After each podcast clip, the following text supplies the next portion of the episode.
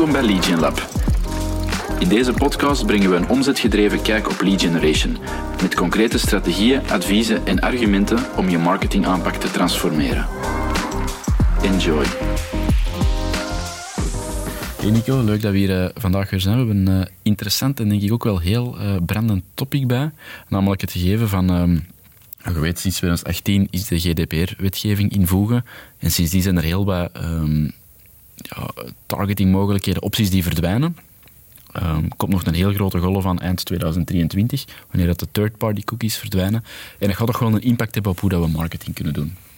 Dus ja. daar hebben we vandaag, uh, gaan we even over uitweiden. Misschien om heel deftig de intro en de context mee te krijgen, uh, dat je eens even kunt inzoomen op third party, uh, second party en first party cookies. Wat houdt dat nu juist in en wat kunnen we daarmee doen of niet meer mee doen binnenkort? Ja, misschien wel goed om daaruit te starten, want dat zal nog niet voor iedereen uh, zo duidelijk zijn. Mm -hmm. Eigenlijk is het heel eenvoudig. Hè? Um, first party cookies, dat zijn eigenlijk de, de, de gegevens die je verzamelt vanuit je eigen uh, sources, dus vanuit uw eigen informatiebronnen, bijvoorbeeld de website of uh, alles wat je in het CRM verzamelt, eigen verzamelde data. Second party is data die je van anderen inkoopt, of die je van anderen gewoon één op één verkrijgt. Dus data die een, derde, een tweede partij zelf heeft ontwikkeld en die wij integraal overnemen, inkopen. En third party is eigenlijk een combinatie. Een combinatie van uh, verschillende bronnen die informatie bij elkaar brengen om daar dan mee aan de slag te gaan. En dat is denk ik de meest gekende, um, want dat is vaak de data die wordt gebruikt om remarketingcampagnes te doen. En dan denk ik over bijvoorbeeld uh, een Facebook of een Google die zegt van we hebben eigen gebruikersdata van onze profielen en we combineren dat met de data van de pixels die op de website staan van de adverteerders. En die data wordt allemaal samengebracht. En op basis van dat gedrag dat er dan gebeurt, kunnen er campagnes gelanceerd worden naar bepaalde doelgroepen. Dus dat is eigenlijk data die vanuit verschillende bronnen wordt samengebracht en die dan als adverteerder vaak ter beschikking wordt gesteld om te gebruiken. Als advertentieproduct eigenlijk. Als advertentie. En dat is eigenlijk hetgeen dat, dat gaat verdwijnen. Um, en er zijn natuurlijk wel wat, de, wat de bezwaren voor in de markt, of in ieder geval toch wel wat de zenuwachtigheid van oei, we gaan geen remarketing niet meer kunnen doen, of we gaan toch niet meer degelijk uh, op basis van echte interesseprofielen kunnen, kunnen kunnen targeten. Wat nu? Hoe gaan we ermee, hoe gaan we ermee aan de slag gaan? En dat is eigenlijk de vraag die we daar hebben. En um, ja, die, heel dat remarketing gegeven, super interessant. Um, ja, ik ben veel bezig met paid, dus ik weet, uh, als je daar de, de, de, juiste snelheden kunt vinden en binnen remarketing de juiste boodschap of de juiste vervolgstap, dan kan dat inderdaad iets heel succesvol zijn. Um, ik weet van veel andere organisaties of agencies dat ze daar ook uh, mee bezig zijn. Um, dus dat is wel iets dat een wezenlijk onderdeel is van veel uh, paid marketingstrategieën. Ja, helemaal. Um, ja. Er wordt heel sterk op geleund, soms ook uh, uh, tot op het absurde af of het, het, het, het niet-efficiënte af. Want gewoon een website bezoeken om dan tot in oneindige remarketing-advertenties te krijgen, dat is niet relevant. het wordt vaak op die een hoop gegooid of gezegd van ja, dat is remarketing. maar je kunt er effectief heel, heel coole dingen mee doen. Um, dus dat die mogelijkheden verdwijnen, ja, daar zien we een beetje paniek uh, ontstaan. Ja, ja, dat is waar. En dat zal, ik denk dat we ervan moeten uitgaan dat dat volledig verdwijnt. Hè. Um, en ik denk dat we ons gedrag moeten aanpassen en gewoon ja. de manier hoe we als marketeer mee omgaan, zo substantieel moeten gaan aanpassen. Um, ik denk dat we de straks ook, we kunnen er een paar inzichten rond delen van hoe dat wij daar mee om gaan gaan, of in ieder geval toch uh, pistes die wij nu aan het bekijken zijn, om dat op een kwalitatieve manier te gaan opvangen. Nu, misschien op zich, uh, je, gaat er niet meer mee kunnen verder gaan. Dus je gaat een switch moeten maken. Er zijn verschillende alternatieven. Misschien moeten we dat toch wel eens een keer aanhalen, want ik vind dat toch wel een lijken om genoeg op in te zoomen. Um, één, Google zelf is uh, momenteel met een alternatief bezig. We kunnen daar even kort bij blijven stilstaan. Ze zijn met een soort, uh, wat dat zijn noemen, is nog vrij het moment dat we die vandaag niet opnemen, is nog vrij uh, onduidelijk hoe dat het er exact zal uitzien. Ik denk eind dit jaar gaat dat concreter zijn. Ja, ik denk het wel. 2022. Ja, zoiets denk ik. Uh, en dat zijn noemen topics. Uh, het, gaat er, het komt er eigenlijk op neer, mensen die vandaag een Chrome-browser gebruiken, daar wordt nog altijd wel de data verzameld. En eigenlijk gaan ze, ik denk dat dat de laatste informatie is die we hebben gekregen of hebben gezien, is ze gaan de data van de afgelopen zeven dagen als gebruiker bijhouden. Dus ze weten van mij, afgelopen zeven dagen, waar was ik naar op zoek? En wat uh, heeft mijn interesse getrokken? En het is die data die je dan kunt aanspreken als adverteerder. Dus je gaat ergens toch wel een soort, uh, op basis van um, de mate waarin ze in market zijn voor bepaalde uh, topics of bepaalde diensten, ja. op een korte tijdspanne, zouden nog wel via Google Topics kunnen aanspreken. Um, dus een soort ja, anonieme dataset die wordt samengebracht van ongeveer een zevental dagen en die dan daarna wordt verwijderd. Dus uh, dat is een heel korte tijdspanne. Is dat interessant? Dat kan interessant zijn, denk ik, om toch nog ergens op basis van de intentie bij een gebruiker ziet, om daarop in te haken. Uh, maar ik denk zeker niet dat dat strategisch gezien uh, de, grote, de grote oplossing gaat bieden. Dus dat is leuk, denk ik, aanvullend. Maar ik zou daar zeker in uw marketingstrategie niet op focussen, of toch niet alle alle, alle focus op liggen vandaag. Nee, het leunt een beetje aan bij tactieken of targeting opties die dat er vandaag zijn. Uh, misschien nog het dichtste tegen in-market dat ergens zit. dus het gegeven van we gaan voor een, een, bepaalde periode kijken wie dat er actief naar specifieke oplossingen op zoek is.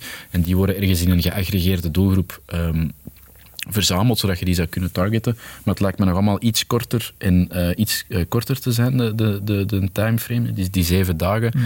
En uh, vandaag, allee, ik heb er geen zicht op en we gaan er heel weinig vat op hebben, denk ik. Vat op hebben ook. Op hoe um, uh, uh, concreet dat die zoekopdrachten op die topics Klopt. gaan zijn. kan is heel breed um, Dus wat Nico zegt is effectief zo: al uw eieren in die mand gaan leggen, puur omdat topics wordt aangeboden. Ja, dat zal het niet zijn.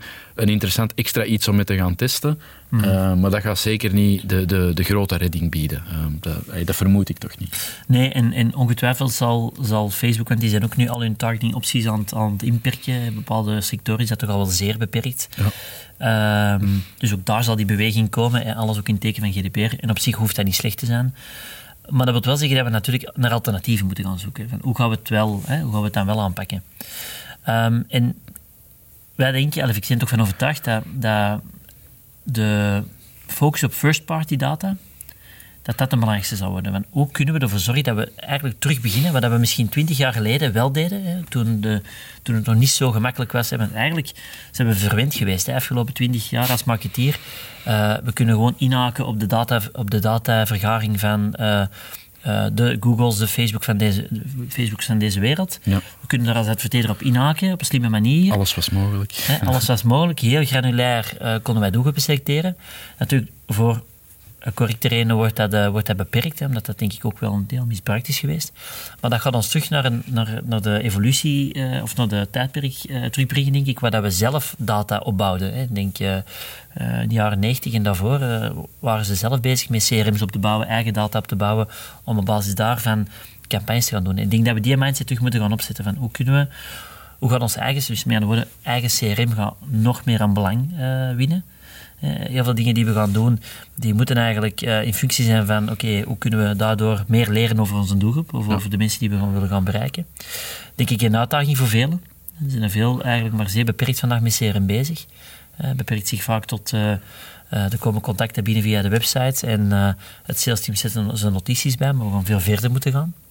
we gaan veel meer inzichten moeten verhouden bij die klanten en bij die leads om ervoor te zorgen dat we weten wie, dat we, eigenlijk moeten kunnen, wie dat we zouden moeten kunnen bereiken. Ja. Dus uh, uitdaging nummer één. CRM en belang van CRM en eigen data. Uh, twee, denk ik. Uh, ik voorspel dat, dat branding uh, en vooral inhoudelijk aan branding doen, dat dat nog belangrijker geworden. Want eigenlijk gaat dat minder, minder accuraat kunnen inpikken op met je campagnes, op de mensen die nu de intentie hebben om X, Y of Z te kopen, of die nu uh, X, Y of Z willen veranderen in hun bedrijf en die beginnen Google enzovoort. We gaan daar minder op kunnen inzoomen. Dus we gaan ervoor moeten zorgen dat we bij die mensen waar wij graag voor zouden willen werken, uh, sterker top of mind blijven. Of top of mind zijn. Hè. Dat als ze in die overwegingsfase komen, dat we misschien niet meer zo haar fijn kunnen gaan definiëren, dat wij wel een van de spelers zijn die bij hen uh, ja, laten we zeggen, top of mind zitten. Hè. En die zeggen van, oké, ik, ik, volg uh, de mensen van Webstick al een tijdje en we zitten bij een bepaald probleem en we zouden iets willen voorleggen. Ja, dat effect, en dat is deeltje branding, uiteraard. Uh, brand awareness in het algemeen. Dat gaat toch denk ik meer aan belang uh, winnen, omdat we niet meer zo ver kunnen, in de funnel kunnen inpikken.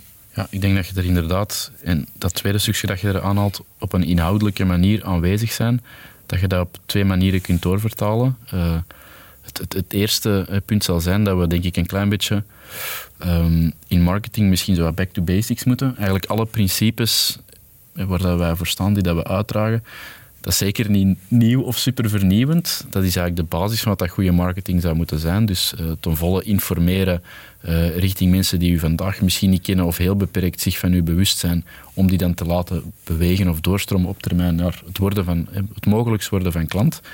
Uh, dus ik denk dat alle principes dat je in vorige podcast hebt gehoord en, en in, in, afleveringen die nog gaan komen, ja, dat die super belangrijk gaan zijn. Terdege uw klant kennen. Um, kwalitatief, kwantitatief, er de juiste messaging uh, op afvuren, heel de ervaring op uw website of in heel uw communicatielijn, heel uw customer journey daar goed op afstemmen. Ik denk dat dat terug met stip op één op de agenda moet. En dan het tweede, dat is een klein beetje een doorvertaling ervan of een opportuniteit. Wat dat je nog wel heel relevant kunt doen, is als je diep inhoudelijke informatie brengt, bijvoorbeeld in videovorm, wat heel gemakkelijk massaal kan worden geconsumeerd. Er zijn nog wel heel wat kansen om op basis van bijvoorbeeld videoviews, en dat is een tactische tip, dat, weet ik, maar op basis van videoviews mensen te gaan capteren of ergens in een groep te gaan verzamelen om daar dan vervolgacties aan te koppelen. Uh, en dit is geen pleidooi om dan te zeggen, ja, we gaan video pushen om, um, om in uitgesteld relais meteen een commerciële actie te vragen. Uh, maar heel dat gegeven, waar dat video zich perfect toe leent, het inhoudelijke, daar zijn nog wel remarketingkansen. Um, dat zal zeker ook niet tot in het oneindige blijven, maar dat is iets dat zeker de komende jaren niet gaat worden uh, dichtgeschroefd. Um, dus op een inhoudelijke manier met video in de feeds aanwezig zijn, um, hyperrelevant en, en zien dat zoveel mogelijk ten x is of dat jij de meest relevante bent met je antwoord of met je informatie, dan zijn er nog wel video remarketing opportuniteiten. Dus ik denk dat die twee ook misschien ergens hand in hand gaan. Het is misschien niet uh, 1 en 2, maar ik denk 1A en 1B. Uh, dus meer focus op het inhoudelijke, uh, het informeren en het op 80% ready to buy krijgen. En dan denk ik dat ja, initiatieven zoals video daar uitermate voor geschikt zijn. Dus ik denk, als je daar nog niet mee bezig bent, moet je eens rustig beginnen kijken. Ja, kan dat ergens in onze, op, op onze roadmap passen? Uh, past dat ergens in ons verhaal, in ons marketingplan? Uh, want dan zou ik daar effectief vol de kaart van beginnen trekken. Naast natuurlijk wat jij zei, het opbouwen van je eigen database. Dat zou al jaren op de agenda moeten staan. Het is zeker niet te laat om daar vandaag nog niet te begin, mee te beginnen als je daar nog niet op een mature manier mee zou bezig zijn. Maar die eigen database hebben en ergens naar de goede, degelijke, op inzicht gebaseerde marketing uh, gaan, ja, dat gaat, wel, dat gaat u wel kunnen redden of de nodige handvaten geven om het wegvallen van remarketing, wat altijd kan gebeuren. Tools en tactieken en kanalen kunnen altijd wegvallen, om dat toch wel heel goed uh, door te komen. Dus het is zeker ja. niet verloren nee. of een verloren strijd, maar je gaat je er wel allee, op moeten voorbereiden dat er bepaalde opportuniteiten gaan verdwijnen. Ja, we gaan, we gaan terug... Allee, dat is nu misschien stef gestemd, maar we gaan terug moeten nadenken. We gaan terug moeten denken van, oké, okay, maar wie wie, wie, wie moeten wij eigenlijk bereiken en, en waarom en, ja. en welk verhaal? Want dat is ook nog belangrijk hè, natuurlijk. Want heel veel bedrijven pikken nu in uh, op basis van remarketingdata en op basis van intentdata. Um, proberen zij campagnes te lanceren. Ja. Maar eigenlijk nu moeten we gaan, gaan nadenken van, maar wacht, wat is ons verhaal, ons lange termijn verhaal dat wij willen brengen? Wat is onze point of view dat we willen brengen in de markt? Dat onderscheidt is tegenover onze spelers vandaag. En hoe kunnen we dat consistent brengen? Hè? Die oefening... Ja die gaat, die gaan, die gaat, elk, gaat elk bedrijf terug moeten doorgaan. Hè. Als je een campagnes op een andere manier... Je hebt het een tijd heel gemakkelijk in de ijskast kunnen steken, omdat, ja. we hebben ooit eens gezegd, de, de 2% actieve zoekers, uh, die daar heel dicht bij de conversie staan, ja, dat was een tijd zo gemakkelijk af te vangen ja. uh, met tactieken en met targetings.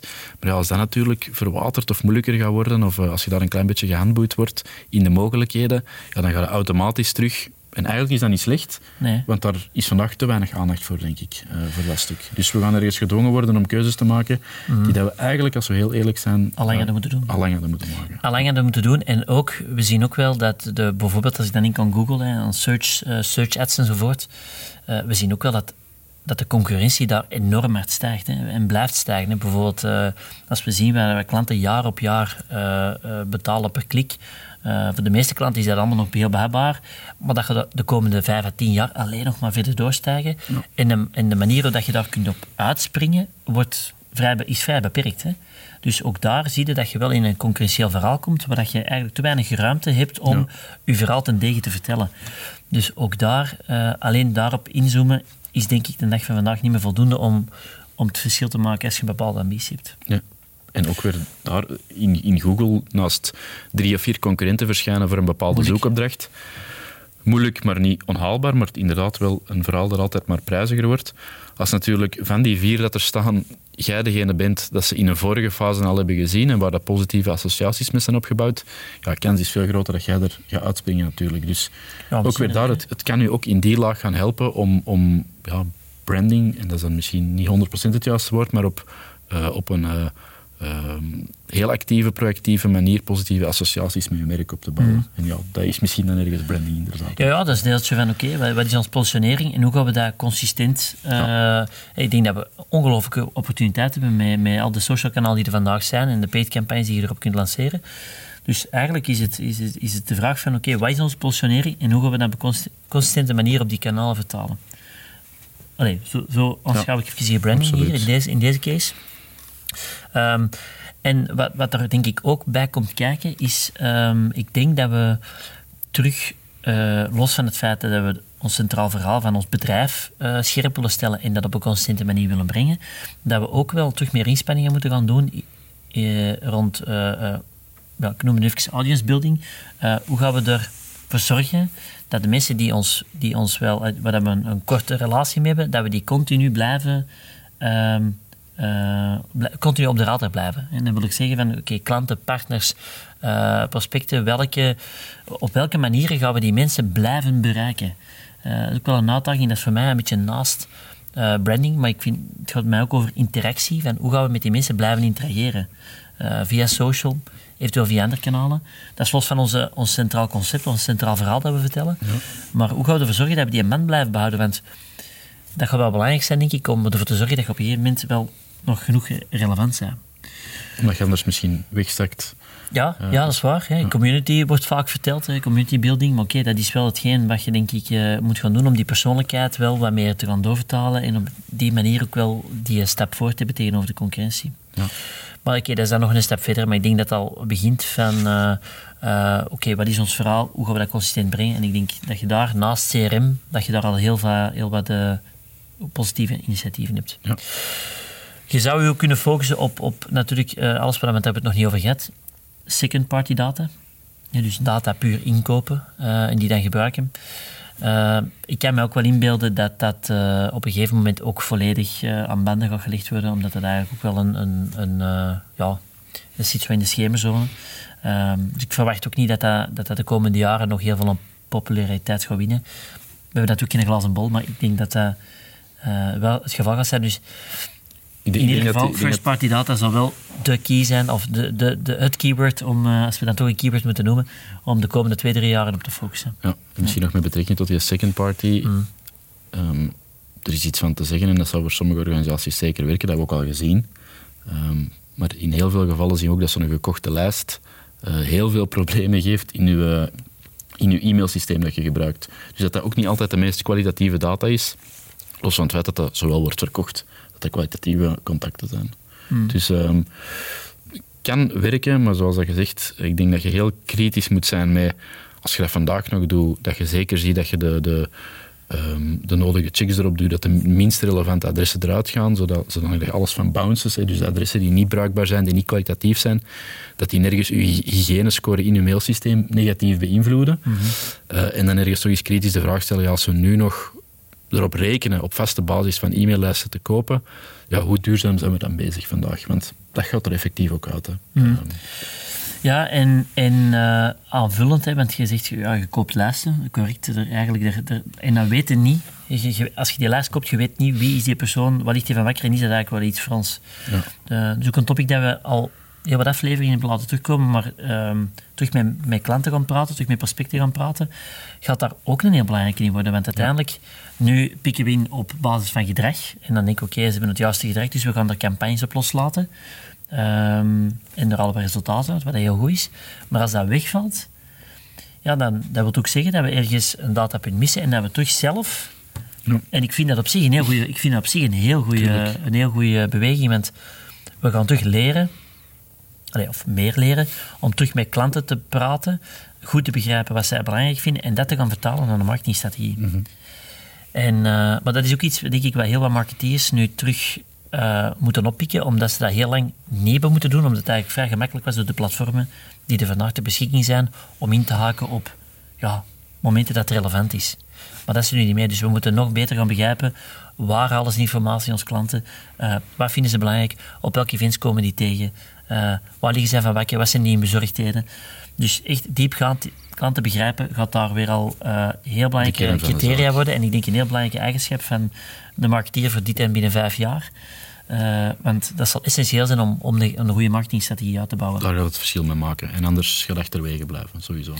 Ja, maar dan gaat het zeer generalistisch te, te werk gaan. Zeker omdat je iets breder moet gaan targeten. Uh, tenzij je heel veel eigen first-party data hebt opgebouwd. Maar de meeste bedrijven, vanuit mijn ervaring, zijn er zelfs vandaag nog niet mee bezig. Uh, nee. zelfs grote bedrijven zijn daar vandaag nog... Ik had onlangs een, een event meegevolgd in Barcelona voor marketeers marketingmanagers, CMO's enzovoort. En er was geen één topic dat draaide rond first-party data. Dus dat, dat doet mij al... Allee, dat ja. bevestigt eigenlijk, denk ik, uh, de mate waarin dat men nog niet beseft, denk ik, hoeveel opties er gaan verwijderen, hoeveel opties er gaan wegvallen tegen het einde van het jaar of begin volgend jaar, waar ze nu wel heel hard op terugleunen. Of op terugvallen. Dus uh, toch wel een belangrijke om even over na te denken. Uh, first party data, wat hebben we vandaag? Hoe gaan we daarmee aan de slag? En vooral, hoe gaan we die, uh, ja, hoe gaan we die vullen, hè, die data? En hoe gaan we ervoor zorgen dat we ons centraal vooral op een consistente manier blijven kunnen gaan brengen? Uh, totaal aan de manier van campagnes doen, maar wel super interessant, denk ik. Ja. En, en, echt een onderscheider te, voor, voor, de concurrentie, voor de concurrentie van in de markt. Dus, ja. ja. Alright. Um, moesten er nog vragen zijn rond um, alles wat met cookies betreft? Um, wij hebben daar zeker wel wat mensen voor die daar nog meer informatie over kunnen geven. Uh, in ieder geval, er gaat veel veranderen. En ik denk dat het uh, zaak is om in ieder geval te bekijken wat hebben first party, vandaag in huis. Hè? Wat zit er in ons CRM, welke datapunten hebben we? Wat is ons centraal als positionering? En hoe kunnen we dat consistent gaan brengen? Heel belangrijk. Dat zijn denk ik twee heel belangrijke oefeningen die, die kunnen gemaakt worden om die marketingstrategie future-proof te maken voor de komende maanden die er uh, staan aan te komen. Uh, maar moesten er inderdaad nog vragen zijn, laat het ons weten. Stuur het even via LinkedIn of uh, stuur uw vraag in via webstack.be slash vraag. En dan gaan wij er ongetwijfeld op terugkomen naar jou persoonlijk. Of wij proberen daar een extra podcast aflevering om te maken om die vraag wat verder uit te spieten en uit te diepen. Yes. Matteo, bedankt vandaag en dan zien we jullie graag terug in onze volgende aflevering volgende week van Lead Lab. Tot dan.